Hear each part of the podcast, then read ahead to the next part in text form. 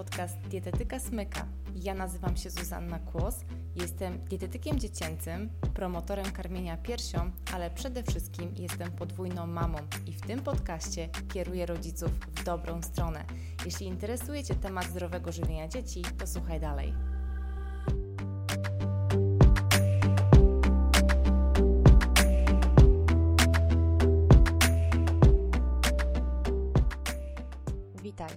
Czerwcu 2019 roku miałam przyjemność, a nawet zaszczyt przeprowadzić wywiad z Olą Budzyńską, która jest znana w internecie jako pani swojego czasu, ale przede wszystkim jest mamą cukiereczka, czyli Jasia, który obecnie ma 10 lat, a który został zdiagnozowany na cukrzycę typu pierwszego, gdy miał lat 5. Początkowo planowałam, że ten wywiad będzie na moim blogu Dietetyka Smyka po prostu w formie doczytania, ale bardzo lubię słuchać Oli, kiedy nagrywa swoje podcasty, kiedy prowadzi webinary i pomyślałam sobie, że także dla Ciebie będzie o wiele przyjemniej, kiedy po prostu wysłuchasz tego, jak Ola mówi o początkach, o diagnozie, o tym, czego musiała się nauczyć i co czuła, kiedy dowiedziała się, że jej synek niestety jest bardzo ciężko chory. Chcę, abyś wiedziała, że cukrzyca typu pierwszego to choroba polegająca na tym, że trzustka przestaje po prostu produkować insulinę, czyli jedyny hormon odpowiadający za obniżenie poziomu cukru we krwi. I jest to spowodowane zniszczeniem przez własny układ immunologiczny komórek beta-trzustki, które właśnie produkują insulinę. Niestety objawy, tak jak będzie mówiła o tym Ola, pojawiają się dopiero w momencie, kiedy 80-90% tych komórek trzustki jest już po prostu nieaktywna. Zapraszam do wysłuchania naszego wywiadu. Jestem. Super. Słuchaj, Ola, to może zaczniemy od początku. Ja jakby co wiem o Jasiu i o tobie dużo, natomiast no te pytania będą takie, żeby inne osoby mm, jakby dowiedziały się od początku. Pierwsze pytanie, w jakim wieku był Jaś, gdy postawiono diagnozę? 5 lat miał. Ma, skończył 5 lat, a w lipcu e, go zdiagnozowano, więc dopiero co skończył 5 lat. Co takiego się w ogóle wydarzyło i jak się dowiedziałaś o tym, że jest chory? Na wakacjach, bo to było w lipcu 2014 mm, roku i byliśmy na wakacjach, gdy był bardzo upalny y, lipiec. I Jaś bardzo dużo pił, bardzo, bardzo dużo pił. I na początku się cieszyliśmy, bo to był bardzo upalny lipiec, więc tam, tam gdzie byliśmy wszystkie mamy, wiesz, goniły za dziećmi z wodą, napij się wody, napij się wody. I się cieszyłaś, że pije.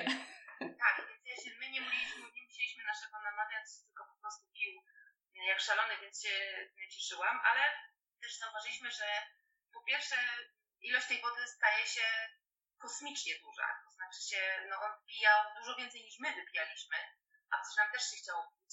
I on potrafił się obudzić w nocy i y, wypić naraz pół butelki półtora litrowej. Mhm. I ciągle, y, i że ciągle mu się chciało pić. W sklepie pamiętam byliśmy i jemu chce się pić, więc tak z półki w supermarkecie zdjęliśmy e, taką małą butelkę. On ją odkręcił, wypił całą duszkiem i dalej mu się chce pić. No, stwierdziliśmy, że kurczę, coś jest nie tak. Poza tym bardzo dużo sikał, no ale to trochę się nam wydawało naturalne, jak tak dużo pije, no to wiadomo, że musi to gdzieś dalić. Ale po jakimś czasie zaczął go boleć brzuch. E, I tak e, ciągle mówił, że albo mu się chce pić, albo chce mu się sikać i że ciągle go boli brzuch. I ja stwierdziłam, że to na pewno, no coś jest nie tak, to no, nigdy tak wcześniej, e, nigdy tak wcześniej nie miał. Ponieważ byliśmy na wakacjach, no to wieczorem pogadałam z mężem i wrzuciłam po prostu te trzy objawy Google'a, tak zwyczajnie, że dziecko dużo pije, dużo sika i boli go brzuch. Chyba nawet dosłownie tak napisałam. I wyskoczyło, y, że to jest prawdopodobieństwo cukrzycy. Wtedy zadzwoniłam do mojej przyjaciółki, która jest pediatrą i ona powiedziała wracać, robić badania. To faktycznie jest nienormalna ilość tej wody, którą on pije y, i robić badania, bo nie chcę panikować, ale tak faktycznie może być. I wróciliśmy, zrobiliśmy Jaśkowi najprostsze na świecie badanie, bo to jest po prostu badanie poziomu glukozy we krwi i odbierałam te wczytywałam je w internecie, je czytałam. Wieczorem, jakoś o 22 i faktycznie ten poziom glukozy we krwi, on nie był określony, bo on był, był po prostu napisany, że jakiś tam krytycznie wysoki yy, poziom e, i czy na czerwono i na czerwono, że proszę się skontaktować z lekarzem. Zadzwoniłam jeszcze do tej mojej pediatry, ona powiedziała tak, pakować jej do Prokocimia na, e, na ostry dyżur tak naprawdę, mhm. czyli na, na, na, to przyjęcie, no bo nic o, o tej porze już e, nie działało. No i pamiętam, że w, To jest szpital dziecięcy, tak mówię, jakby każdy wiedział. Tak? Szpital dziecięcy, Uniwersytecki Szpital Dziecięcy w Krakowie, który mieści się w dzielnicy Prokocim, dlatego wszyscy nazywają Prokocimy. Ja pamiętam do tej pory, jak się pakowaliśmy do tego mm, szpitala, no to ja wiem, jak działają szpitale dziecięce i to jeszcze nad wieczorem o 23, tak? Tam jest mnóstwo dzieci, wszystkie czekają w kolejce, wszystkie są biedne, wszystkie są chore. E, I stwierdziłam, że spakuję szkoły w takim razie zabawki, książeczki, bo na pewno będziemy czekać jakimiś godzinami. No, tak to jest zawsze na tych wszystkich sorach i na tych izbach przyjęć. się czeka i czeka i czeka. Więc taką wielką torbę tych wszystkich, wiesz, zabawiaczy i rozpraszaczy miałam. żeby przetrwać. Żeby przetrwać, tak. A poszliśmy z tymi wynikami na tą izbę przyjęć y, na rejestrację. I faktycznie była tam gigantyczna kolejka. Dzieci w każdym wieku, począwszy od takich, nie wiem, dwutygodniowych takich maleństw na rękach rodziców, po 12-14-letnich takich już facetów w zasadzie. I pamiętam, że dopiero wtedy się wystraszyłam, bo jak podałam właśnie tej kobiecie na tej rejestracji te wyniki, że mam takie wyniki i kazano nam się zgłosić do szpitala, to ona w tym momencie zadzwoniła wózek inwalidzki, proszę przywieźć, Jaśka posadzili na tym wózku i od razu pojechaliśmy, omijając tą kolejkę tych wszystkich chorych dzieci na oddział endokrynologii i tam na dalsze badania, więc y, no, wtedy się wystraszyłam tak. Ja rozumiem. Wiesz co, sama mam dwójkę dzieci i e, czytając też dzisiaj nawet e, Twojego bloga, Mama Cukiereczka, no to aż mnie tak trochę uderzyło. No, moja córka ma 4 lata. Co by było, gdybym się dowiedziała za rok, że po prostu, że ma cukrzycę typu pierwszego, bo oczywiście cukrzyca typu pierwszego drugiego to nawet nie ma co za bardzo porównywać, prawda? Czy od momentu, kiedy pisałaś w ogóle bloga, czy coś teraz się zmieniło, czy nadal Jasiu jest na tej pompie, która po prostu tylko ułatwia jakby dozowanie insuliny? Wiesz co, zmieniło się i zmienia cały czas. To jest taki bardzo płynny proces. Tutaj rodzice dzieci chorych mają bardzo duży wpływ, bo to w dużym stopniu wiele tych urządzeń, tych ułatwień tak naprawdę wynika z inicjatywy rodziców, którzy po prostu te ułatwienia czasem nawet wymyślają. Ale to było tak, że jak my, jak u Jaśka zdiagnozowano w lipcu chorobę, to my do grudnia byliśmy na penach, czyli po prostu peny, no, zastrzyki tak, do robienia tak. E, insuliny. E, I to wyglądało wtedy tak, że Jasiu sobie mierzył poziom cukru co 3 godziny z palca, albo częściej, jeśli coś było nie tak. I do posiłków podawał insulinę z penu, plus dwa razy dziennie, rano i wieczorem dostawał też insulinę z pena, czyli zastrzyka tak zwaną insulinę bazową, mhm. czyli taką, która trwa mniej więcej 12 godzin na dzień i potem wieczorem tak. E, na noc. W grudniu dostaliśmy pompę insulinową, no bo do 26 roku życia pompa insulinowa jest refundowana, mhm. ale to tak właśnie jest, że czasem są, a czasem nie ma. Tak? Mhm. Jak ja się zachorował, to tutaj akurat nie było. Musieliśmy mhm. czekać do, do grudnia bo to jest urządzenie, które jest kosmicznie drogie. Tak jak jest nierefundowane, to to jest urządzenie, które kosztuje drożej niż obecny samochód. Naprawdę kosmicznie drogie są te, te rzeczy i bez refundacji w zasadzie nie ma szans, żeby przeciętny człowiek coś takiego miał. I to już było duże ułatwienie. Nie z tych powodów, dla których ludzie myślą, bo ludzie myślą, że pompa cukrzycowa to załatwia wszystko i da, dawkuje tak. insulinę, już w ogóle nic nie trzeba robić, co jest nieprawdą, bo pompa insulinowa faktycznie zapewnia tą bazę, czyli to coś, co wcześniej Jasiu musiał dostawać rano i wieczorem insulinę bazową, to teraz to faktycznie zapewnia pompa y, i z dokładnością co do godziny dawkuje taką bazową insulinę. Mhm. Y, natomiast tak czy siak do posiłku Jasiu musi mm, dostawać y, insulinę. Też pompa podaje tą insulinę, ale ona nie wymyśli, ile tej insuliny podać. Więc to obliczenie tej insuliny do posiłku, tak? ile ma węglowodanów, białek i tłuszczy w posiłku i ile w związku z tym potrzebuje insuliny, to jest oczywiście nasze zadanie, bo pompa jeszcze nie jest tak inteligentna, żeby myśleć. Więc to było kolejne ułatwienie, ale ułatwienie pompy polega na tym, że ona dawkuje bardzo precyzyjnie. Tak jak pen ma mm, tylko pół dawki insuliny może e, pół jednostki, no to pompa może dawkować jedną dziesiątą jednostki insuliny, więc dużo precyzyjniej można sterować tymi poziomami mm, cukru. To jest oczywiście ważne ze względu na zdrowie mm, dziecka, bo poziom cukru powinien być jak najbardziej wyrównany. Natomiast po pewnym czasie też zaczęły się pojawiać dodatkowe ułatwienia. Pierwszym był sensor Libre, który jest wbity w ramię jedno albo drugie na 14 dni. Po 14 dniach się zmienia mhm. rękę i e, on powoduje, że nie trzeba już kłuć się w palce, co jest bardzo problematyczne, bo jak policzy się z najrzadszą częstotliwością, czyli co 3 godziny kłute palce przez 24 godziny przez całe życie, to wzrosty, które tak. się robią, to, to jest coś, co jest bardzo no i palce są też bardzo wrażliwe, nie? Palce, opuszki palców tak, są tak. też bardzo wrażliwe, więc dla dziecka. Tak, no i na przykład dzieci, e, szczególnie takie małe dzieci, w ogóle nie powinny sobie kłuć palców wskazujących tak. kciuków. Tak. Na przykład ze względu na to, że piszą, rysują, muszą mieć no, czucie, tak? tak? A tak. to jest jednak tak, że jak się setki tysięcy razy to kuje, no to po prostu to czucie się trochę e, zmniejsza. Więc ten sensor trochę to, trochę to załatwiał, ale też to polegało na tym, że e, to było tak jakby inicjowane przez nas, czyli Jasiu musiał sobie zbliżyć e, czytnik do sensora i wtedy miał odczyt poziomu cukru. Jest to już dużo łatwiej.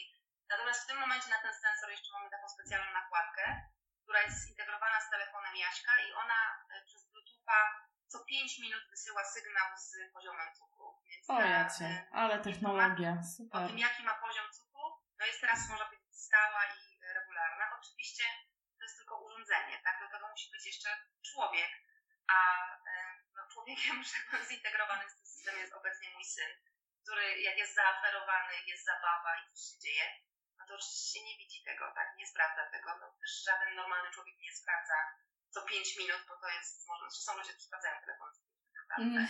Dzieci do, do tego nie, do tych ludzi nie należą i no i też się zdarza, tak, że może przeoczy, że cukier mu rośnie, nie zauważy, a jak już dorośnie do pewnego poziomu, to już trzeba go zacząć zbijać. No ale na pewno jest to duże ułatwienie. Już te mm. kłucie palców w tym momencie już się dzieje tylko wtedy, gdy ten poziom cukru jest nie taki jak trzeba, czyli albo jest za wysoki, albo jest za niski, albo gdy trzeba skalibrować, czyli po prostu porównać wyniki z krwi z tymi, no ale jest to, jest to na pewno dużo większe ułatwienie w stosunku do tego, co było te 5 lat temu. Jasne. Okej. Okay. Jasiu ma teraz 10 lat. 10 lat. 10 tak. lat. Mhm. Okej. Okay. To Powiedz mi jeszcze, czy w ogóle przeczuwałaś, że Jasiu choruje na, na cukrzycę typu pierwszego? Czyli coś oprócz tego, że on dużo pił latem 2014 roku, czy cokolwiek jeszcze mogłoby wskazywać, jak miał na przykład dwa lata, trzy lata, cokolwiek, co teraz przypominając sobie mogło wskazywać na to, że y, ta choroba się po prostu jakby ujawni? Nie.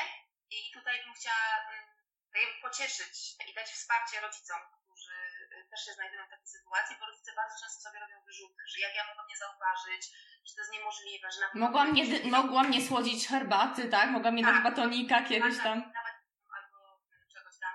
Prawda jest taka, i ja teraz się odnoszę do faktów naukowych, a nie do różnych gdybań, które jest bardzo dużo w tej e, chorobie. E, prawda jest taka, że te trzy objawy, o których ja mówiłam, one się pojawiają e, wtedy, gdy ta choroba już jest bardzo zaawansowana.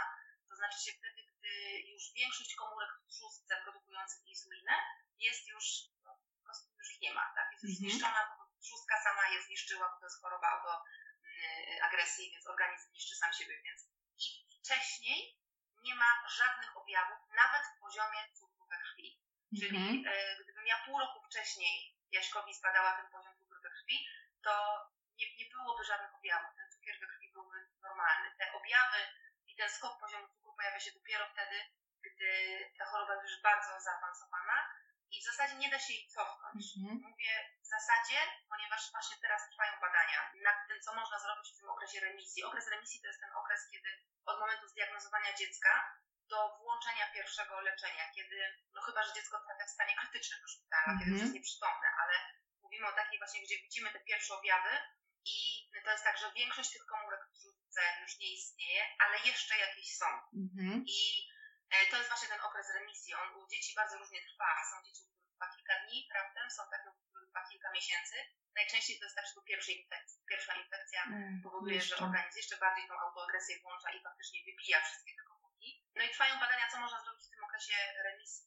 Natomiast to jest tak, że badania się dzieją w jednym ośrodku w Polsce, no, to nie jest tak, że każde dziecko z remisją, czy też w remisji trafiające do szpitala jest tam wysyłane tak, na te badania i można temu zaradzić. No my o czymś takim nic, nic nie wiedzieliśmy, -hmm. ale mówię o tym, żeby rodzice sobie nie robili wyrzutów sumienia, bo po prostu nie da się tego wcześniej zauważyć. To jest tak, jak mamy teraz drugiego syna e, Franka. Franek jest 2,5 roku młodszy od Jasia. I pierwsze, o co pytaliśmy, to czy Franek też jest bardziej obciążony w tym momencie. I tak, tak. jest bardziej obciążony. Właśnie miałam o to zapytać, o kontrolę tak, cukru u niego. Mhm. dziecko, bo to jest choroba genetyczna. Y, drugie nasze pytanie, czy możemy jakoś sprawdzić, tak? Czy możemy jakoś wcześniej zapobiec, nie wiem, regularnie badać? Nie. Nie ma. Mhm. Nawet gdybyśmy co miesiąc robili badanie poziomu cukru, to gdy zobaczymy, że ten cukier nie wiem, jest nieprawdopodobnie wysoki, no to to już jest ta faza, która, tak. która jest już fazą zasadzie, gdy choroba jest, tak? A nie, że jakieś początki możemy ją cofnąć. Jasne, okej. Okay. Czy w ogóle przed diagnozą wiedziałaś, co to jest cukrzyca i z czym to się je? Tak to określę, tak? W sensie, jak się ją leczy, czy się ją leczy, co to jest insulina, jak się normuje poziom cukru, czy cokolwiek o tym wiedziałaś? Czy to było takie zderzenie po prostu z nowością totalną, powiedzmy? Wiesz co, ja powiem wprost bardzo szczerze, nic nie wiedziałam o tej chorobie. Wiedziałam, tak jak każdy przeciętny człowiek, że jest tam jakaś cukrzyca i że cukrzycę dostają ludzie, co jedzą bardzo dużo słodkich rzeczy i się nie ruszają i leżą na kanapie. A mówię o tym dlatego i mówię o tym dlatego tak wprost, ponieważ ja mam z jednej strony misję informowania ludzi o tym, o czym jest ta choroba cukrzyca typu 1, czym się różni od cukrzycy typu 2, a dodatkowo mam bardzo duży poziom tolerancji właśnie na to, że ludzie nie wiedzą. Ja się Mhm. nie złoszczę, jak nie wiedzą, nie złoszczę się, jak mnie pytają, czy ja się wyzdrowieję, e, nie złoszczę się, jak czy jak przestanę mu dawać słodycze, to wyzdrowieję, tak, albo cokolwiek w tym stylu, to ja wiem, że mają dokładnie tak samo jak ja miałam. To wynika z niewiedzy i tyle. Więc ja nie wiedziałam Mhm. i tak naprawdę, no jak dzwoniłam do właśnie tej koleżanki, że cukrzyca, to ja jeszcze nie czułam, nie czułam tego strachu. No, no jest tam jakaś choroba, oczywiście nie miałam zielonego pojęcia, że to jest choroba nieuleczalna Tak. e, mówię o cukrzycy typu 1. I właśnie dopiero wtedy, jak zobaczyłam, że omijamy całą tą kolejkę, myślałam sobie, matko, Ojejku. Poważnego, tak? Jak ja Mhm. tutaj mijam te tygodniowe chore dzieci i na wózek inwalidzki mi dziecko zapakowali i od tego momentu, że ono pod stałą opieką, bo zaraz się może zacząć właśnie ten okres krytyczny, gdzie dziecko wpadnie w śpiączkę, to ja takie oczy otwierałam i uczyliśmy się wszystkiego od nowa, wszystkiego No absolutnie od nowa. mhm. I to też, e, to jest też zabawne, bo ja się bardzo dużo rzeczy właśnie nauczyłam o diecie, o odżywianiu, o tym, jak w ogóle działa człowiek, że tak powiem, tak? To mi też uświadomiło, jak my niewiele wiemy. Mhm. To taka była zabawna historia, ponieważ w szpitalu były szkolenia dla rodziców, dla dzieci tych starszych, które już tam coś mniej więcej rozumiały. E, I pierwsze dosłownie zdanie, pierwsze pytanie, które pani doktor na tym szkoleniu zadała, to, to było pytanie, proszę Państwa, czym odżywia się człowiek? Na co wszyscy tak na nią patrzą, tak każdy myśli, to tam chleb, zupa, nie wiem, herbata może, tak, masło, mięso, coś tam. A mój mąż odpowiedział, białka, tłuszcze, węglowodany, witaminy, woda i coś tam jeszcze. Minerały. I ona tak mówi, bardzo dobrze, jest pan pierwszy w historii, który w taki sposób odpowiedział. No bo my tak nie myślimy, nie? A Tak. i, teraz ja już też się nauczyłam i zobaczyłam, jak, jak zupełnie inaczej kiedyś patrzyłam na jedzenie. No, jedzenie smaczne, dobre, słodkie albo słone, nie? Natomiast w tym momencie, jak muszę Jaśkowi bilansować posiłki to nie, my sobie możemy, zdrowi ludzie mogą sobie bilansować tam dziennie albo nawet tygodniowo, może tak, nie będę tutaj wchodzić w swoje kompetencje, mówię o tym, co słyszałam. Tak. Natomiast Jakub musi mieć bilansowany każdy posiłek, Mhm. ponieważ jak nie będzie miał zbilansowanego, czyli właśnie zbilansowany, tak, jak nie będzie miał odpowiedniej ilości węglowodanów do białek, tłuszczy na talerzu, to będzie mu skakał poziom cukru. Tak. Jak będzie mu skakał poziom cukru, no to różne inne niekorzystne sytuacje będą się u niego mm, włączać.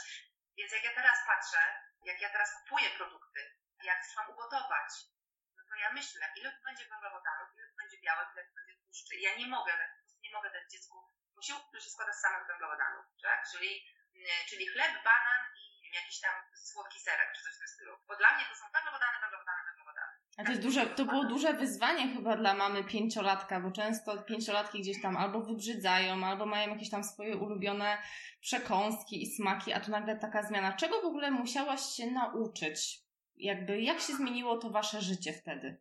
Wszystkiego się musiałam nauczyć. ja myślałam, my w ogóle jako rodzina musieliśmy się uczyć żyć od nowa. To może, wiesz co, to może powiedz mi najpierw, Olu, w ogóle, jak to wyglądało w szpitalu? W sensie, wchodzisz do szpitala, zabierają Jaśka na co, na salę od...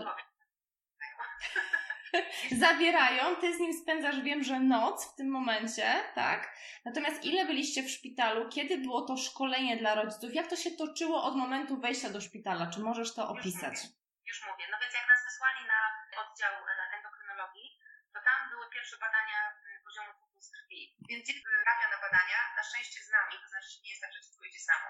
To jest tak, że wszędzie tam jest rodzic. Wszędzie jest, zresztą to jest dla wygody, bo po prostu rodzic jest Tak. uspokoić. Trzyma. Spanikowany, nie wie co się dzieje, jest w nocy, a zakładają mu wędlon z y, skopróbką, więc y, mnóstwo, mnóstwo y, badań. Później wyprawa na y, oddział i właśnie ta pierwsza noc. Ja tą noc pamiętam najbardziej, dlatego że Jasiek był niesamowicie zestresowany, spanikowany tym, że ileś tam kobiet, każda mu robi badanie, pobierają mu krew, zakładają mu ten wędlon, miał 5 lat, nigdy wcześniej nie był w szpitalu, więc krzyczał tam, wrzeszczał, był niesamowicie zmęczony, a jednocześnie to to pierwsza noc, więc to nie jest tak, że co 3 godziny jak standardowo, tylko chyba co pół godziny, albo nawet co, co pół godziny wydaje mi się, przychodziły pielęgniarki i badały mu ten poziom cukru z krwi, gdzie on teraz, jak sobie mierzy, to byś się roześmiała, bo on mierzy tak. On nic tego nie czuje, to jest dla niego tak normalne. Natomiast wtedy on się w ogóle bał zastrzyku, więc każde to badanie tego poziomu cukru, jego to rozbudzało od razu w nocy. Dorosły by się bał, myślę. Tak, i od razu w, w płacz. Ja z nim leżałam na łóżku, tak, więc to była taka noc, gdzie co pół godziny obydwoje na równe nogi, y, no tak. okropne. Nikomu czegoś takiego nie, nie życzę. My trafiliśmy pod koniec tygodnia, chyba w czwartek do, do szpitala, a szkolenia w szpitalach się zawsze zaczynają w poniedziałek.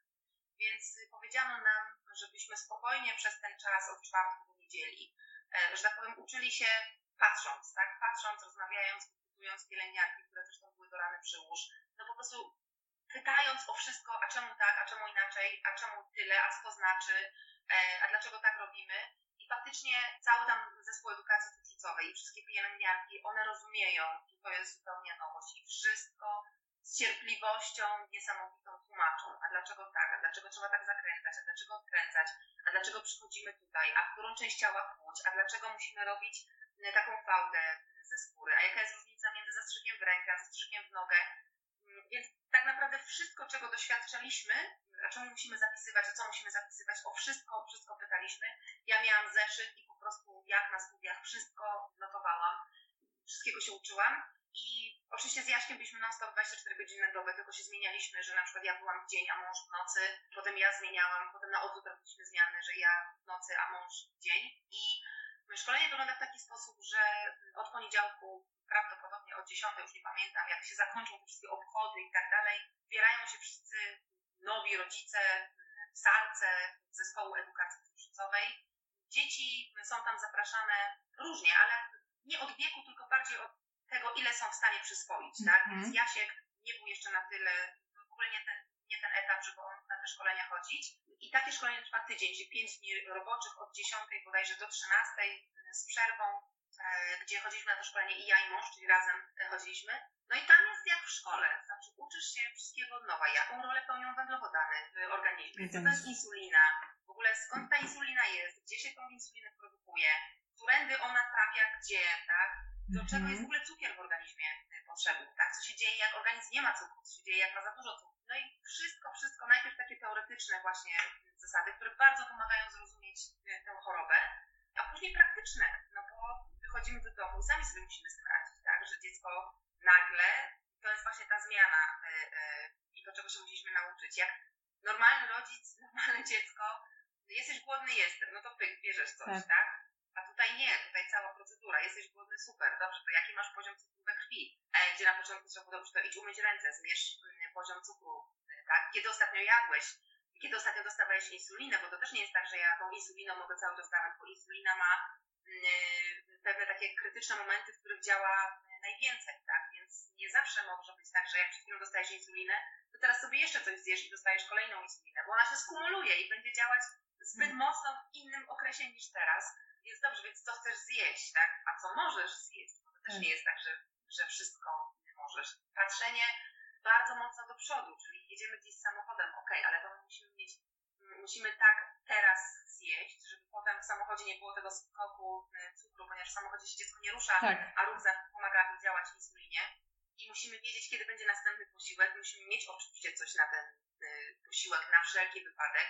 Zawsze musimy mieć ze sobą na e, ewentualny ewentualną sytuację spadku poziomu cukru. To jest takie planowanie w wersji hardcore, mm-hmm. bym powiedziała, tak? gdzie tak wybiega się do przodu bardzo, bardzo dużo i nie ma, że ja nie mam ochoty, że mnie boli, że mi się nie podoba, że to jest głupie, że to jest nudne, bo od tego zależy życie. zdrowie, a czasami nawet życie mojego dziecka, więc po prostu to się, to się robi. Ja to czasem pokazuję na takim przykładzie robienia ciasta, jak się zmieniło życie. Nie? Jak mam ochotę na ciasto, szukamy sobie przepisu, o, tu jest fajne ciasto, super zrobimy je, nie? A ja mówię, o, tu jest fajny przepis na ciasto, to zaczynamy liczenie, czyli wszystkie składniki. Najpierw wyliczam, ile w tym cieście jest węglowodanów, ile jest białek, ile jest tłuszczy. Dobrze, to potem te węglowodany, białka i tłuszcze na wymienniki patrzę, dobra, ujdzie to ciasto. Także nie jest jakieś takie straszne, że nie ma tam samych cukrów może być. Potem pieczemy to ciasto, ważymy całe to ciasto i z tego, z tej całej ilości węglowodanów białek tłuszczu, która wyszła na całe ciasto, musimy to podzielić potem na porcje, no bo jak w cieście kilogramowym jest x węglowodanów białek tłuszczy, to ja potem muszę wiedzieć, ile jest w 100 gramowym kawałku ciasta tych węglowodanów białek i tłuszczy. Ja jestem pod wrażeniem. To, co mówisz... Znaczy... To jest takie ciągłe liczenie i to każdy produkt w taki sposób. Dlatego my już mamy oczywiście takie lifehacki, że na przykład ciasta lubię robić takie sprawdzone, tak? Czyli takie, no tak. które wiem i, i, takie, które się, nie wiem, łatwo, to jest takie absurdalne, takie, które się łatwo kroi, żeby ja to mogło tak. na przykład. Albo e, kupujemy bardzo często te same produkty, czyli na przykład ten sam chleb, bo ja wiem, że w tak. jednej kromce tego chleba jest zawsze tyle samo węglowodanów. No dokładnie, przeliczać to za każdym razem, to by tak. było bardzo, tak, bardzo tak.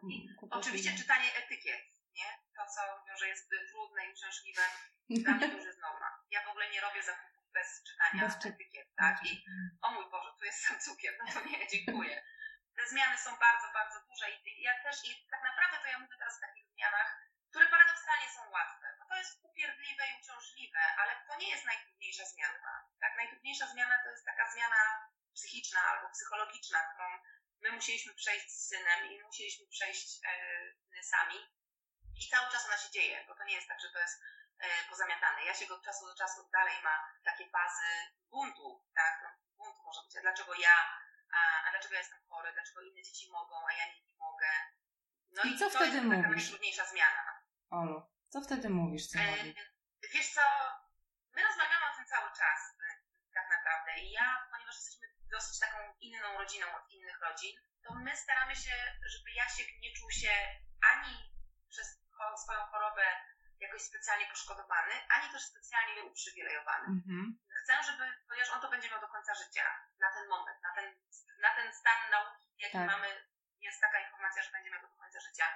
Więc ja chcę, żeby on to traktował jako element swojego życia po prostu. E, I mówię mu, że to jest tak, że no, to już jest twoje, tak? I po prostu ty to masz. I musimy się nauczyć, co zrobić, żebyś to traktował jako normalny, choć czasem upierdliwy element swojego życia, tak? I mówię mu, że inni ludzie mają też różne inne takie sytuacje, tak? Że, e, nie wiem, ja mam wrodzoną wadę wiązadeł głosowych, nie mogę na przykład dużo mówić, mm, tak non-stop, bo potem mi wysiądzie e, głos, albo jakieś inne przykłady ludziom mm pokazuję, bo no bardzo mocno chcę uniknąć takiej sytuacji, kiedy ja się zacznie użalać nad sobą, dojdzie do wniosku, że nic nie warto robić, bo on jest chory, albo e, że jemu się należy, bo on jest chory.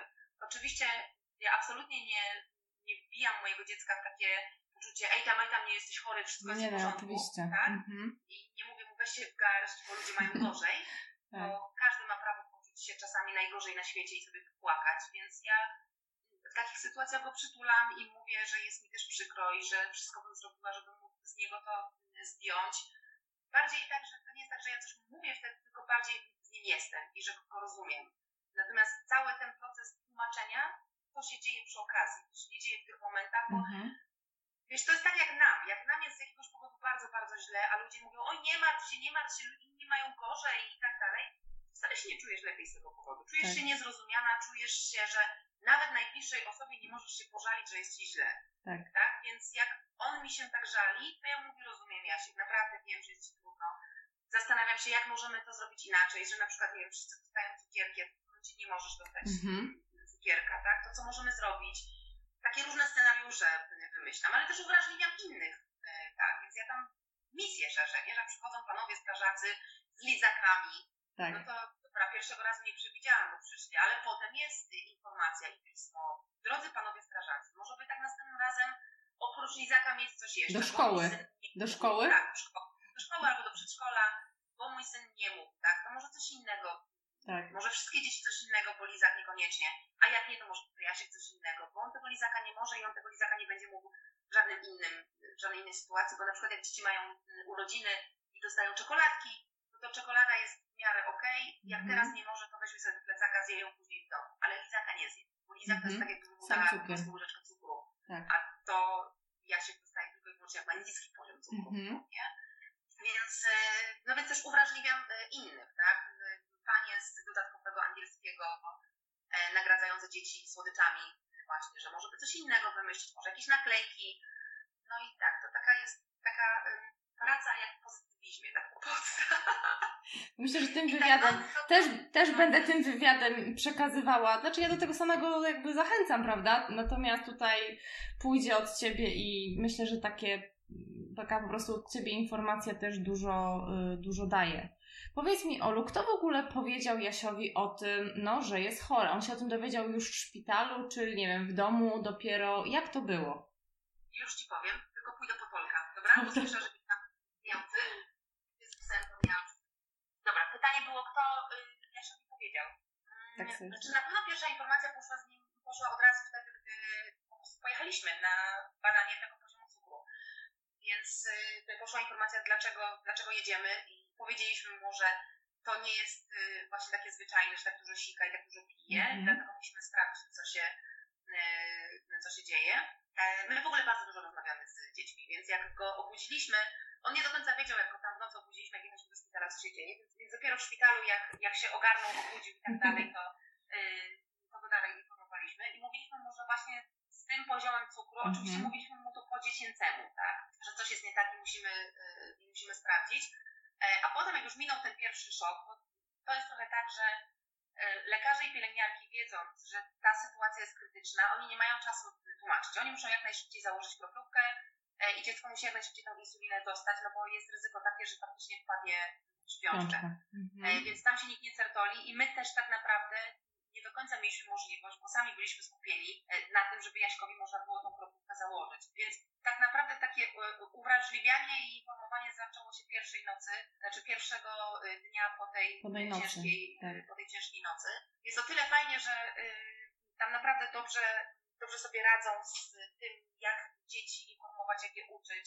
Mają bardzo dużo różnego rodzaju takich pomocy w zasadzie. Na przykład komiksy mają o cukrzycy. Super. Tak, specjalnie o cukrzycy i to u dzieci, mhm. które pokazują cały proces dokładnie od tego momentu, gdy dziecko zaczyna dużo pić, dużo sikać. Mhm. I dzieje się całe, całe to wszystko.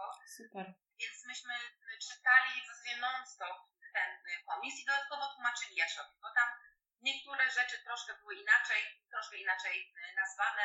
Tak naprawdę wszystko to, czego my się dowiadywaliśmy na szkoleniu, to my Jaśkowi to przekazywaliśmy tylko, wiadomo, takim językiem, żeby on mhm. był w stanie to, to zrozumieć. I no bo Jasiek zadawał mnóstwo pytań, mnóstwo, mnóstwo. Mm -hmm. Tym bardziej, że on tam, tam były dzieci, tam byli inni ludzie, też z różnym poziomem wiedzy, z różnym poziomem, że tak powiem, przekazywania tej wiedzy dzieciom. Więc ja się pytał, czy on już nigdy nie zje torta, na przykład, tak? A dlaczego mu trzustka nie pracuje? No, oczywiście zanim zaczął pytać, dlaczego mu trzustka nie pracuje, no to w ogóle co tam się dzieje, więc no bardzo, bardzo dużo y, informacji, ale głównie to byliśmy my.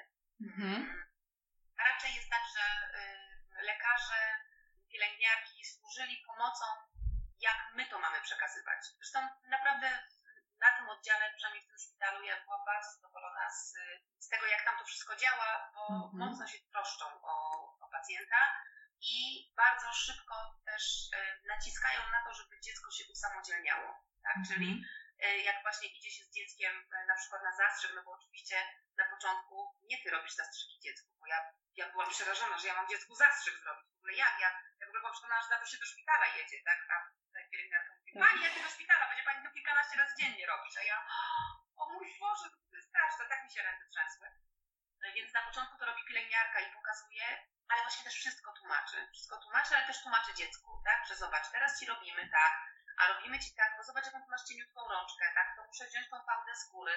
No też y, mieliśmy tak, że na przykład na tym y, szkoleniu wszystko to, co będziemy robić dzieciom, robiliśmy też sobie. Czyli po prostu dostaliśmy igły sterylne i musieliśmy sobie tą igłę wbić w rękę, żeby czuć, jak to jest, tak? Dostaliśmy glukometr i sterylne nakłuwacze, sterylne, po prostu nasze własne tak. nakłuwacze i też się nakłuwaliśmy, żeby wiedzieć, jakie to jest odczucie dla, dla dziecka. No jedyne, czego sobie nie mogliśmy zrobić, to zastrzyku tak. No ale to miejmy nadzieję, że dziecku też tego nie będę musiała nigdy robić, bo to się dzieje w sytuacji krytycznej. No, więc, więc, więc tak to się dzieje. Głównie my tą wiedzę przekazywaliśmy Jaśko. Okej, okay, Olu, a powiedz mi, ja rozumiem, że jakby rodzice, no przede wszystkim mm, jakby pomagają dziecku ogarnąć tą cukrzycę, tak to określę, cukrzycę typu pierwszego, żeby nie było wątpliwości. Natomiast czy też, powiedzmy, przeszkoliłaś ty, czy też w szpitalu zawsze mówię, że mama jest zasobem. Chyba ty też kiedyś takie coś kiedyś powiedziałeś, że gdyby ciebie zabrakło, no to ktoś inny musi się e, jakby jasiem dać sobie radę, tak? Czy ty szkoliłaś innych tak jakby? Jak to wygląda? Jakaś opieka, jak ciebie nie ma, tak? Ciebie nie ma. To, wyglądało to tak różnie w przypadku e, moich rodziców i w przypadku mojej teściowej. Bo moja teściowa mieszka w Krakowie i właśnie w Prokocimie jest tak, że na te szkolenia może pójść każdy. Znaczy, to nie jest tak, że tylko dziecko, które leży, jego rodzice mogą pójść. Mhm. Więc y, sprawdziliśmy, kiedy się zaczyna sezon, że tak powiem, szkoleniowy. I po prostu teściowa pojechała i codziennie jeździła na szkolenie dokładnie od 10 do 13 i wszystkiego się uczyła. E, Natomiast moi rodzice nie mieszkają w, w Krakowie, więc moi rodzice kiedyś do mnie przyjechali z, z wizytą. Ja ich wszystkiego uczyłam.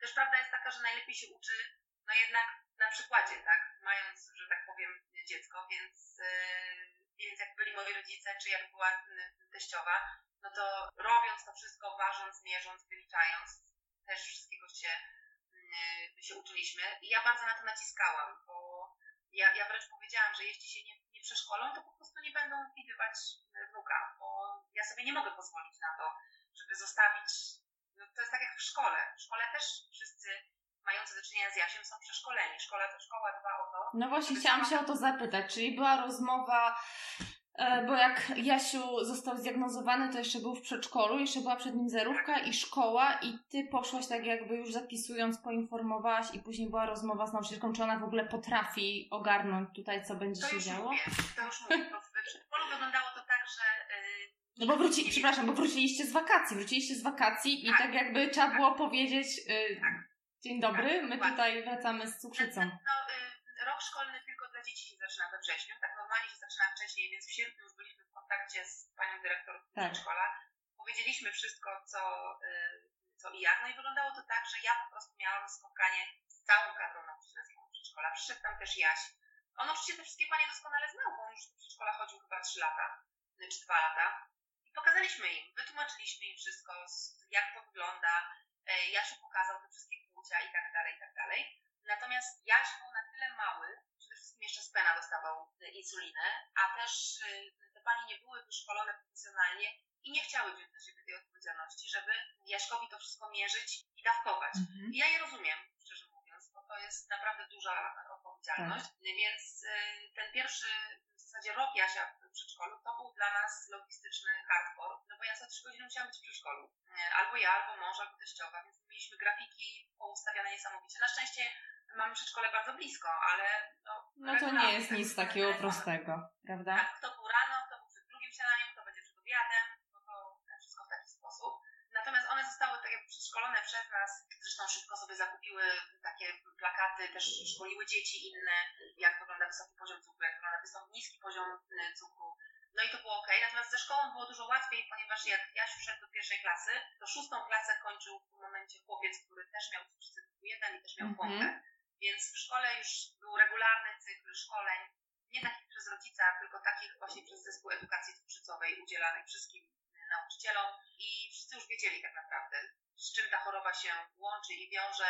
Y, Dlatego też między innymi ja się poszedł do tej szkoły, która jest akurat najbliżej naszego Mhm. domu, ale tam po prostu też wszyscy wiedzieli, co to jest. Nic nie musiałam tłumaczyć od, y, od nowa. Super. Jedynie taką no, głębszą, że tak powiem, rozmowę miałam z wychowawczynią Jasia, no, która, wiadomo, to były klasy 1-3, która musi taką większą uwagę na to Tak. e, zwracać, znać symptomy, wiedzieć, że jak Jasiek zaczyna wariować, to niekoniecznie dlatego, że jest niegrzeczny, tylko być może powinien zmierzyć Tak. poziom cukru bo mu właśnie tam lewituje po sufit. I potem kolejna zmiana była teraz w zasadzie, po tym jak przyszedł do czwartej klasy, kiedy nowego wychowawcę miał, więc znowu kolejna Rozmowa. rozmowa Mhm. e, o tym, że to jest trochę inaczej, że nie wiem, że czasem na przykład Jasiek będzie musiał zjeść na lekcji, gdzie już dzieci nie mogą jeść na lekcji, że czasem będzie, jak się będzie źle czuł, to będzie musiał wyjść i zadzwonić do mnie w tej lekcji, że w ogóle jest jedynym dzieckiem w szkole, które może mieć telefon w czasie lekcji e, ze sobą. I że ja czasem też muszę zadzwonić, bo jego telefon jest znowu zintegrowany z moim telefonem i ja widzę, że mu rośnie poziom cukru,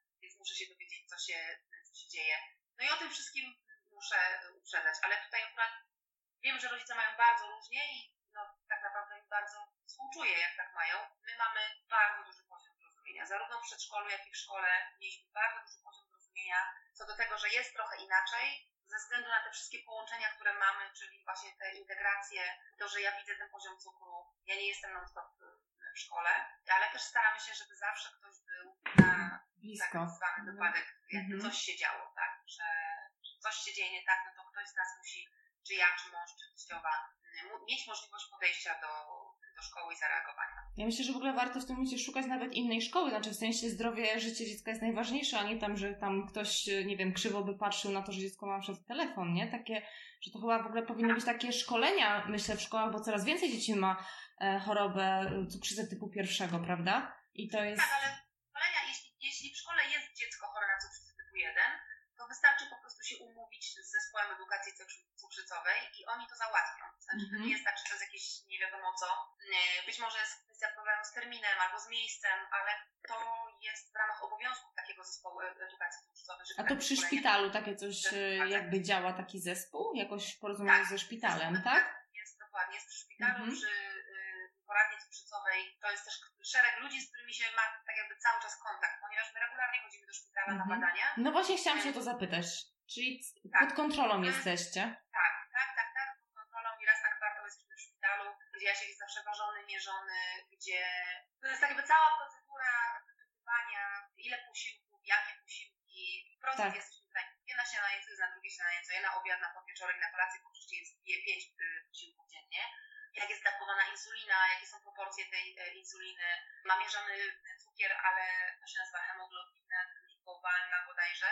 Taka długoterminowo, jak mu się utrzymuje ten poziom Aha. we krwi. No czyli tak, no, jakby taką stałą Kontrolę e, ma. kontrolą, tak Mhm. jest. I wtedy właśnie mamy do czynienia z tym zespołem edukacji cukrzycowej. Oni zawsze pytają, czy wszystko w porządku, czy coś poradzić, czy coś się zmienia. Oni też służą taką radą nie tylko medyczną, ale też taką właśnie trochę, można powiedzieć, psychologiczną, Psychologiczną. tak? Jak sobie w różnych tam sytuacjach radzić, więc nie wiem, czy tak jest w całej Polsce, bo tego nie mogę Mhm. wiedzieć, natomiast no, u nas to jest, poza faktem, że to jest jednak polski szpital i polskie warunki, czyli y, kolejki, rejestracje i tego typu rzeczy, no to tutaj wszystko jest Działa to. według mnie tak jak trzeba. No to super. No dobrze. To jak teraz wyglądają w ogóle posiłki Jasia? Czy stosuje jakąś specjalną dietę? I, no, je pięć razy dziennie. A gdyby chciał zjeść jeszcze przekąskę, nie wiem, szósty raz dziennie. Wiesz co, no tak, je pięć posiłków dziennie i to jest, że jak ktoś je pięć posiłków dziennie, to wie, że jak się je regularnie i je się wystarczającą ilość, to nie czujesz potrzeby na przekąskę. Po prostu Mhm. nie czujesz. No chyba, że dobra, w przypadku dziecka są lody, nie? Ale to nie jest tak, że ojej, jestem głodna, muszę coś zjeść. No Mhm. nie, bo jak je te, mm, pięć posiłków dziennie w tych takich standardowych godzinach, z reguły to są godziny dziecka, które wstaje i nie chodzi też spać tak jak ludzie o pierwszej w nocy, tylko wcześniej, to jest jedzenie praktycznie co trzy godziny, więc on po prostu nie jest głodny w, Mhm.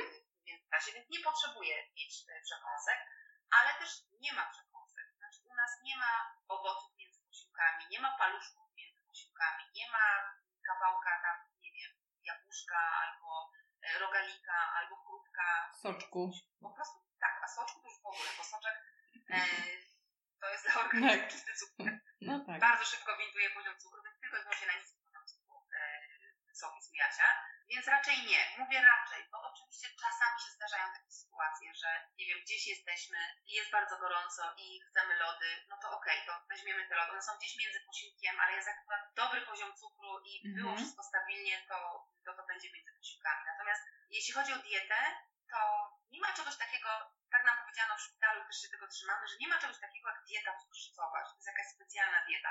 To jest po prostu zdrowa dieta. Tak. To jest zbilansowana dieta, gdzie są wszystkie składniki odżywcze takie jak trzeba, gdzie węglowodany to powinny być głównie węglowodany złożone, czyli nie żadne cukry proste, nie coś, co masz od razu wyrzuca ten poziom cukru, gdzie y, staramy się jak najmniej słodzić, znaczy w zasadzie Jasiek nic nie ma słodzonego białym cukrem. Mhm. E, choć tak naprawdę dla niego, i to też jest ważne, bo ludzie mówią, o nie, ja nie słodzę cukrem, ja słodzę miodem.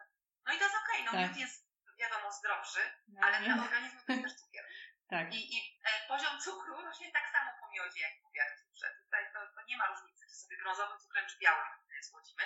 Poziom cukru we krwi u Jaśka od razu rośnie tak, e, tak samo. Więc on nie dostaje takich cukrów, na przykład lizaka. No, no, no, nie dam mu lizaka. No, nie dam mu Mhm. lizaka, bo to jest właśnie tak, jakby mu czysty cukier pakowała do, do buzi. To co je? Jakie słodycze może? Bo pewnie to też będzie interesowało wszystkie mamy. To, co, Wiesz co, to jest co cukiereczek E, może jeść? Może jeść, może jeść słodycze. E, To jest proste. Ja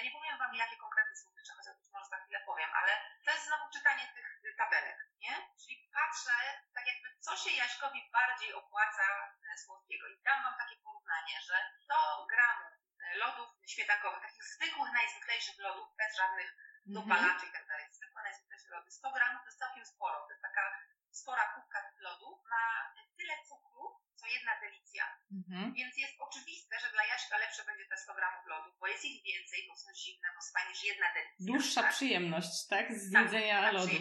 Mam do wyboru, co mu dać, no to dam mu 100 gramów lodów. Mhm. I w taki sposób patrzymy. Czyli na, na przykład czekolada, tak? Czekolada y, taka zwykła, mleczna, z jakimś sosem tofi i z wafelkami w środku, no to jedna kostka takiej czekolady jest tyle, co cały rządek czekolady ciemnej. Gorzkiej. Mhm.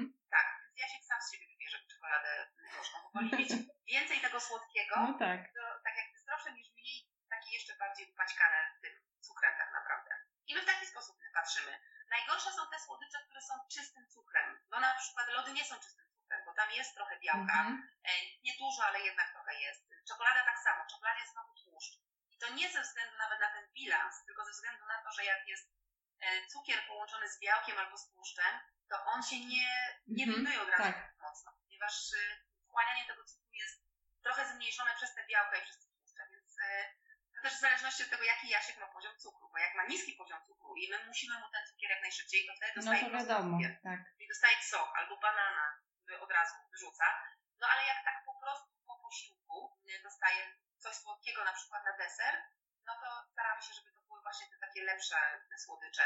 Wszystkie te rzeczy ekstra dorzucamy do posiłku. Mhm. Czyli normalne drugie śniadanie i ewentualnie coś ekstra, a nie, że ekstra między posiłkami.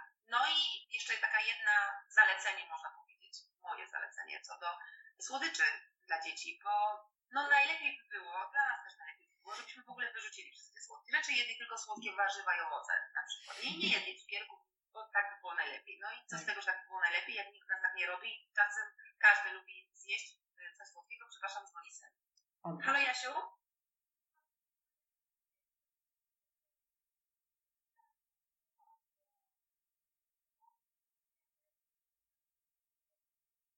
Dobrze, to zjedz po obiedzie w takim razie i podaj sobie. E, o mój Boże. E, to czekaj, na obiad będzie 3-0. E, dwa wymienniki. Tak, czyli 4,2 łącznie. No, to to pa.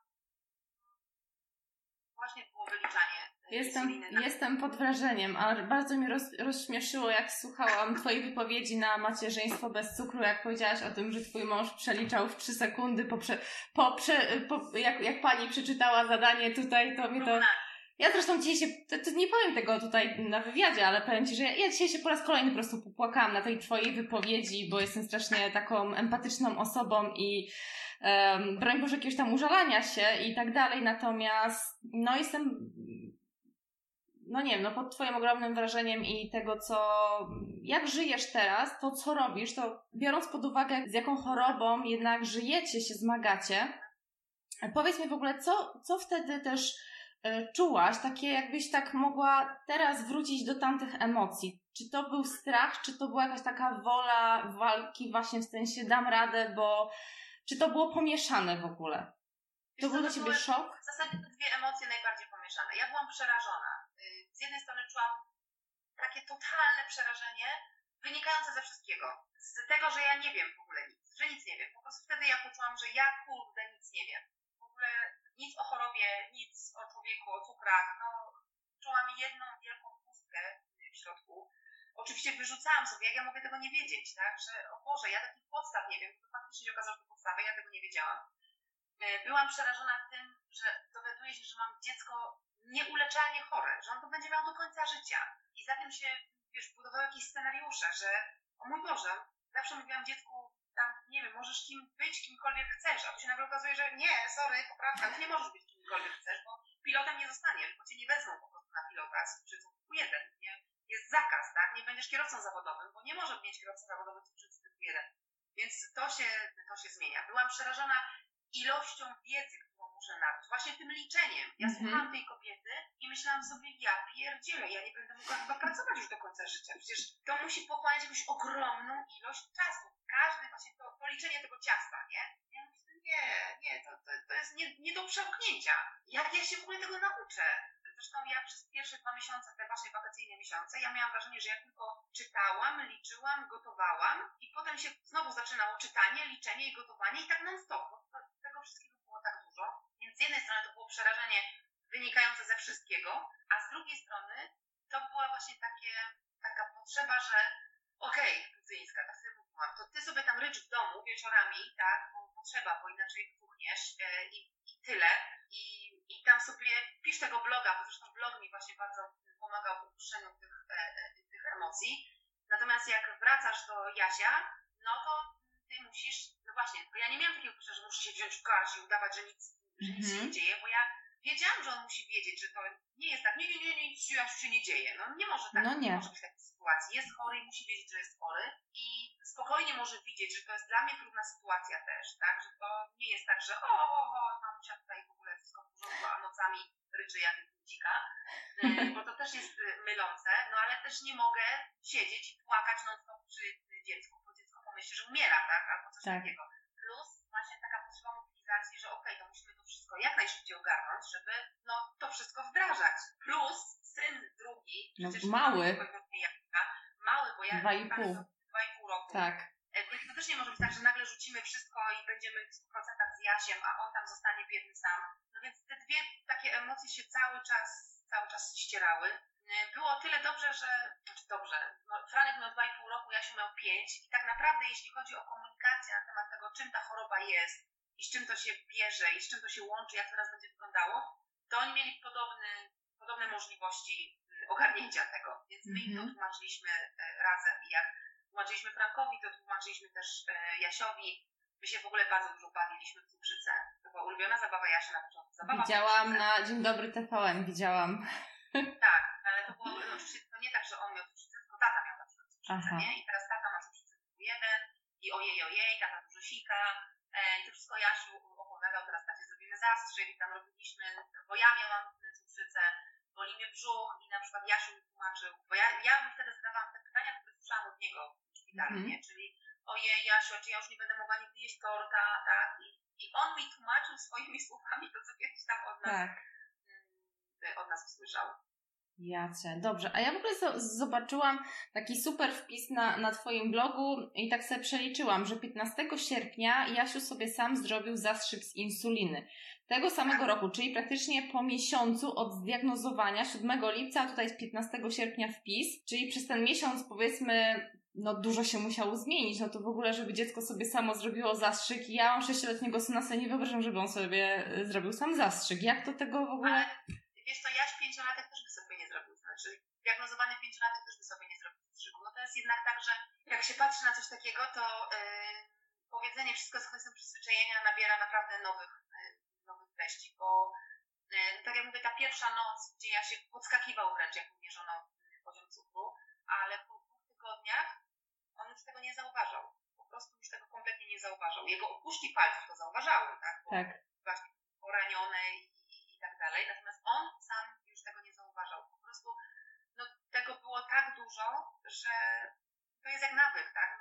No, To jest Mhm. ten nawyk taki wymuszony siłą rzeczy, bo on się dzieje, y, dzieje non-stop. Więc y, my po prostu ja się pytaliśmy, czy chce. Zresztą w szpitalu też go pytali, czy chcesz Mhm. sobie zrobić zastrzyk? Nie.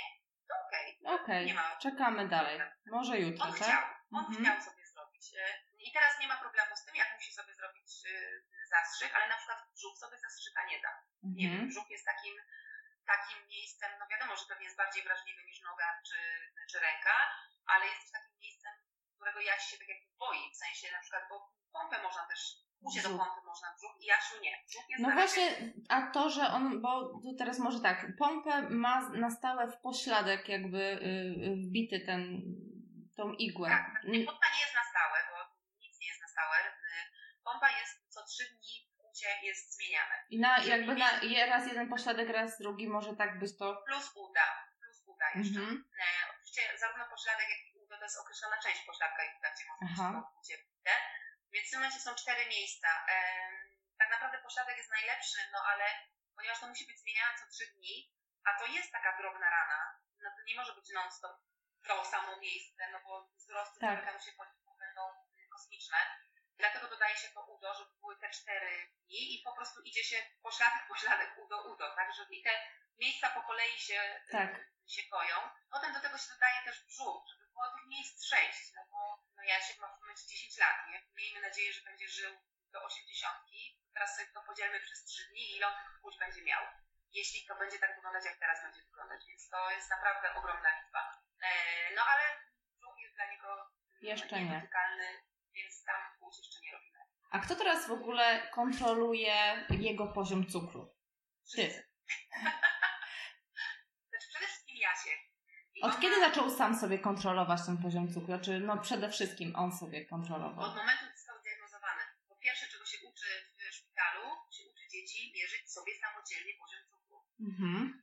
No jak to, że ma się sam upłuć, to, że ma sam sobie tą kroplę podać i sprawdzić ten poziom cukru, to jaki jest właściwy poziom cukru, jakie są granice y, poziomu cukru. Dziecko się tego uczy od Pięciolatek. O, tak. jacie. Mhm. Muszą, muszą. Ja się w ogóle śmiałam, że ja się poszedł do szkoły i już znał ułamki, tak? No bo 0,1 tak. insuliny ułamek przecież, tak. nie? A te wyliczenia, które tutaj zresztą przed chwilą e, słyszałaś, nie? Jak dostajesz 0,3 na e, jeden wymiennik e, węglowodanowy, no to ile musisz sobie podać wymienników? Znaczy ile musisz sobie podać insuliny, skoro masz 7 wymienników? No i dziecko musi nauczyć się liczyć 0,3 razy 7. No to są ułamki tak naprawdę. Tego się potem ja dowiedział w szkole, że już śmiga w ułamkach, bo Proszę to powiedział. Więc Jasiu odpowiada. Tak, mhm. Jasiu odpowiada, ty, ty, ale wiem, że jakby w nocy, yy, no nadal tak jest, że wstajesz w nocy i, i sprawdzasz. Wiesz, to teraz jest trochę inaczej, bo mamy ten sensor i to wygląda tak, że ten, ta nakładka na sensor, ona ma ustawione znowu takie poziomy bazowe, niskiego i wysokiego poziomu cukru i jak któryś się uaktywnia, ten niski lub wysoki poziom to po prostu nasz telefon wydaje alarm, taki dziki dźwięk, taki jakby syrena jechała. Więc my już nie musimy wstawać do Jasia mierzyć, tylko jak coś jest nie tak, to nas budzi ten alarm. No to, super. to jest dla nas też To jest różnica. Tak, jest różnica i jest duże ułatwienie. Co ciekawe, Jasia ten alarm nie budzi. On chociaż to jest naprawdę tak, jakby syrena jechała do pożaru. Ale to ja też się śmiałam, że to jest tak, że jak wiesz, że jesteś odpowiedzialna, to się budzisz, a jak wiesz, że nie jesteś, to nie budzisz. Na przykład ten alarm też nie budzi nam psa, chociaż jest naprawdę kosmiczny. No ale pies nie wstaje potem. A my wiemy, że coś się dzieje nie tak, więc my, więc my wstajemy.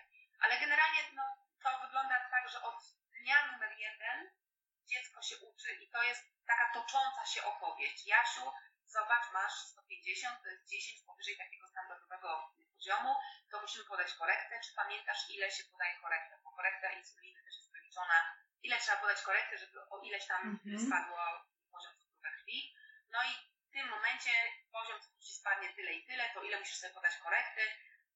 Więc to jest tak, jak pytasz, kto to kontroluje, to my wszyscy, natomiast z naciskiem cały czas jest na to, że to jest do, do Jasia, tak? To jest twoje zdrowie, ty się musisz nauczyć sam tego pilnować, bo no my teraz budujemy u dziecka nawyki, tak naprawdę. To wszystko, co on będzie miał w dorosłym życiu, tak. to my mu teraz tak? Żeby zwracać na to uwagę, żeby odpowiednio wcześniej reagować, bo jak odpowiednio wcześniej zareagujesz, to ten poziom nie skoczy tak bardzo, mm-hmm. nie, nie trzeba będzie go zbijać jakoś, jakoś niesamowicie. Natomiast w praktyce to wygląda tak, że Jasiu przed y, posiłkiem mierzy cukier, mówi mam y, tyle i tyle, ja mówię ok, masz tyle i tyle wymienników, on sobie oblicza, ile ma sobie podać insuliny, zawsze mi mówi, no bo ja to zawsze muszę kontrolować, mm-hmm. mówię dobra, y, podaję sobie insulinę, ja sprawdzam, czy na pewno sobie dobrze podał, bo podać sobie jedną jednostkę insuliny, a 10 jednostek insuliny to jest ogromna różnica dla życia, nie dla zdrowia, mm-hmm. tylko dla życia, więc to musi być to musi być sprawdzane. Jak ma wysoki poziom cukru, to też mówi, ja mówię, dobra, to ile masz sobie podać korekty? On mówi, ja sprawdzam i przeliczam, czy na pewno, potem sprawdzam, czy sobie podam mm -hmm. tą, mhm. tą korektę. No i cały czas to są, to są niekończące się rozmowy właśnie o, o odpowiedzialności, e, o tym, że to musi monitorować, że to jest po prostu część jego życia, nie?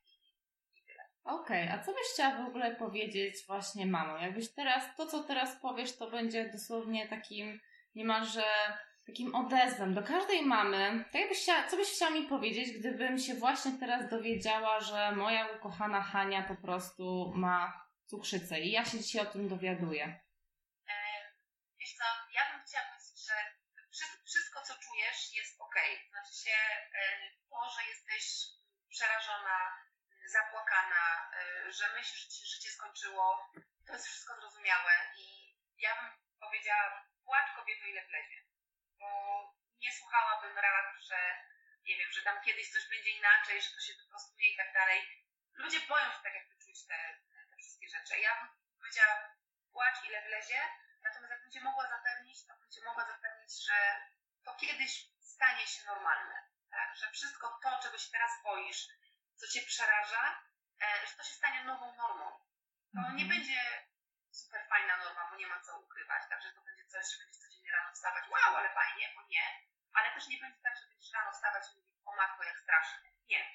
To się stanie taką normą, jak to, że ty masz blond włosy, a ja mam brązowe włosy, tak to, że twoje dziecko ma w tym momencie cukrzycę i musisz zrobić ileś tam szereg czynności, więc do tego się można, y, można przyzwyczaić. Bardzo bym zachęcała do szukania grup wsparcia są takie grupy na przykład na Facebooku i one naprawdę są pomocne, gdzie ja mhm. jestem jednak sceptyczna co do mm, różnych takich zgromadzeń internetowych, to są takie grupy na Facebooku, które są pomocne. E, A czy kojarzysz jakąś taką grupę? Kojarzysz jakąś taką grupę? Tak, jest taka grupa Cukrzyca typu 1 Wspierajmy się. E, to jest grupa dla rodziców. Mhm. I tam zawsze ktoś na tej grupie jest, bo to jest tak, że zawsze gdzieś na świecie jakiś rodzic cukiereczka nie śpi bo akurat jest sytuacja krytyczna, bo akurat jest wysoki poziom cukru, bo akurat jest niski poziom cukru i musisz czuwać i pomimo tych wszystkich urządzeń musisz co pół godziny wstawać i sprawdzać. No i bardzo często właśnie na przykład rodzice, ja, ja po sobie to wiem, tak? Wiem, że za pół godziny mam dziecku zmierzyć poziom cukru. Jestem tak zmęczona, że jak zasnę, to się nie obudzę i muszę coś zrobić ze sobą. Muszę coś obejrzeć, muszę coś mhm. poczytać, mm -hmm. a jest druga w nocy. Tak. I bardzo często rodzice na przykład na tej grupie są i mi się też zdarzało o, pytać o coś, bo ja się nie dodzwonię do zespołu edukacji cukrzycowej o trzeciej w nocy. Tak. A się dzieje, co w tym momencie już mnie nic nie przerazi, ale jak było miesiąc po diagnozie, to ja chodziłam po stupikach. I wtedy piszesz do kogoś takiego i po drugiej stronie siedzi taki rodzic jak ja, który ma już dziecko chore od iluś lat i mówi spokojnie, przede wszystkim spokojnie, tak? -hmm. Zrób to i to. I to jest bardzo, bardzo pomocne, więc naprawdę zachęcam. Zachęcam też, żeby właśnie włączać innych ludzi, głównie rodzinę, bo to, co mówiłaś o byciu zasobem. Mhm. To jest oczywiście nie do pomyślenia na początek, bo to jednak my wiemy najlepiej, ale trzeba naprawdę, trzeba patrzeć w kontekście y, tego, że jak nas zabraknie, to co się podzieje. I po prostu innych ludzi uczyć, włączać, mhm. uświadamiać, nawet jeśli to są obcy ludzie.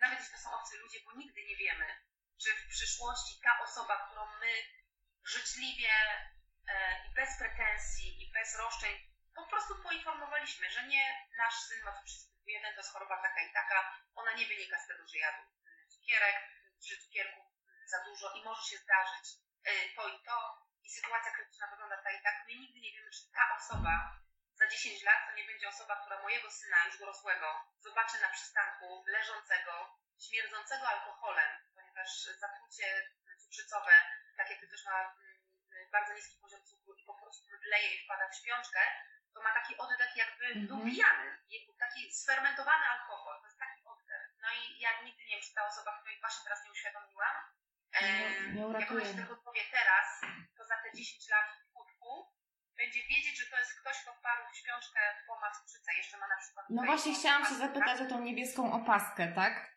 Jasiu no, cały czas ją... Niebieska, ona może być jakakolwiek. Aha, i Jasiu ją dostał w szpitalu, czy to jest tak, że to kupiliście sami? Tak. On to dostał? Nie, dostał, dostał w szpitalu, to jest też tak naprawdę taka opaskę ją, w wielu miejscach ją można dostać, tak jako gratis, mm. można taką opaskę kupić. One są bardzo różne. Oczywiście nie jest tak, że dzieci ją, pięciolatek ją chciał nosić, dziesięciolatek już jej nie chce nosić. Bo to jest coś, co go wyróżnia. Tak. W taki sposób, w którym on się nie chce wyróżniać. Tak. Ale powinien, nie? Dla jego bezpieczeństwa też jakby tak. powinien, tak? tak. Się, się tak, wyróżniać w tym momencie. Tak, powinien, powinien. No ale nie zawsze, nie zawsze chce, ja też nie zawsze, nie, nie przyszyję mu tej opaski, tak? Nie, nie wytatuję mu na ręce. Na czole. E, albo na czole mam coś typu jeden. No więc y, dlatego oczywiście to musi minąć ten pierwszy okres, ale tak jak mówię, uświadamiajmy innych, niektórzy, niektórzy nie wiedzą, ale to minie. Ten straszny okres minie. Natomiast na, na ten moment tak, możesz iść do męża i obydwoje możecie płakać ile wlezie. I tak też dziecku tak naprawdę poczuć ten żal, bo to jest normalne. No, tak jak my go czujemy, to dzieci go muszą czuć jeszcze bardziej, bo to tak naprawdę ich dotyczy, a nie nas. I to one będą musiały sobie przez życie iść z tą chorobą, a nie my. Okej. Okay. No bardzo Ci dziękuję. Podejrzewam, że to też chodzi o tą Twoją misję, o której powiedziałaś, że po prostu chcesz gdzieś tam szerzyć tą informację na temat cukrzycy, tak, typu pierwszego, że to jest dla Ciebie ważne, żeby jak najwięcej osób jakby było świadomym i tego problemu i też e, no tej sytuacji, tak? Mm, zastanawiam się, czy coś byś chciała dodać. Nie, chyba nie, bo mnie bardzo wyczerpująco pytałaś. W sumie niewiele osób mnie o to pyta, a, a ja lubię, znaczy lubię ten temat, no nie lubię tego tematu, ale w sensie, że cieszę się, jak mogę o nim rozmawiać. No, ale... Mega wartościowe rzeczy robisz. Bardzo się cieszę, Olu, że, że po prostu znalazłaś dla mnie czas. To było moje kiełkujące marzenie i po prostu Ci bardzo, bardzo dziękuję. Jestem pod ogromnym wrażeniem w ogóle tego, tego no jak, jak ogarnęłaś, tak, tą, tą, tą cukrzycę typu pierwszego. To już niestety koniec naszego wywiadu. Przyznam się, że po naszej rozmowie przez kilka dni myślałam o tym, co powiedziała Ola. I teraz jeszcze bardziej ją podziwiam. Bardzo gorąco polecam Ci książkę Oli, Jak zostać panią swojego czasu, zarządzanie czasem dla kobiet, ponieważ mi ta książka bardzo pomogła. Stałam się osobą bardziej efektywną i w krótkim czasie znalazłam taki balans pomiędzy moimi obowiązkami zawodowymi, życiem rodzinnym, a też moim czasem wolnym, który bardzo sobie cenię. Tak jak mówiłam na wstępie, Ola prowadzi bardzo popularnego bloga na stronie paniswojegoczasu.pl i możecie ją także znaleźć na Facebooku, Instagramie oraz YouTubie. Niedawno założyła także klub Pań swojego czasu, taką specjalną platformę dla kobiet. Możecie ją także lepiej poznać poprzez mm, cotygodniowe live w poniedziałek o 10, które się nazywają Kawa z Budzyńską, a już szczególnie zachęcam Was do zapisywania się na webinary Pani swojego czasu, które są już bardzo znane i za każdym razem co miesiąc uczestniczy w nich tysiące kobiet. Ja po raz ostatni dziękuję Oli i oczywiście dziękuję Tobie, że znalazłaś czas i chciałaś wysłuchać naszego wywiadu. Podcastu Dietetyka Smyka możesz słuchać bezpośrednio na mojej stronie internetowej www.dietetykasmyka.pl, jak również poprzez aplikacje mobilne do słuchania muzyki, które możesz pobrać na swojego smartfona, na przykład iTunes, Google Podcast, SoundCloud albo Spotify. Serdecznie Cię do tego zachęcam i wtedy żaden odcinek Cię nie ominie, będziesz otrzymywała powiadomienia, jeżeli coś nowego nagram. Zapraszam Cię także na mojego Facebooka oraz Instagram i wszędzie tam znajdziesz mnie pod nazwą Dietetyka Smyka. Powiedz o tym podcaście innym rodzicom, innym mamom i do usłyszenia w kolejnym odcinku.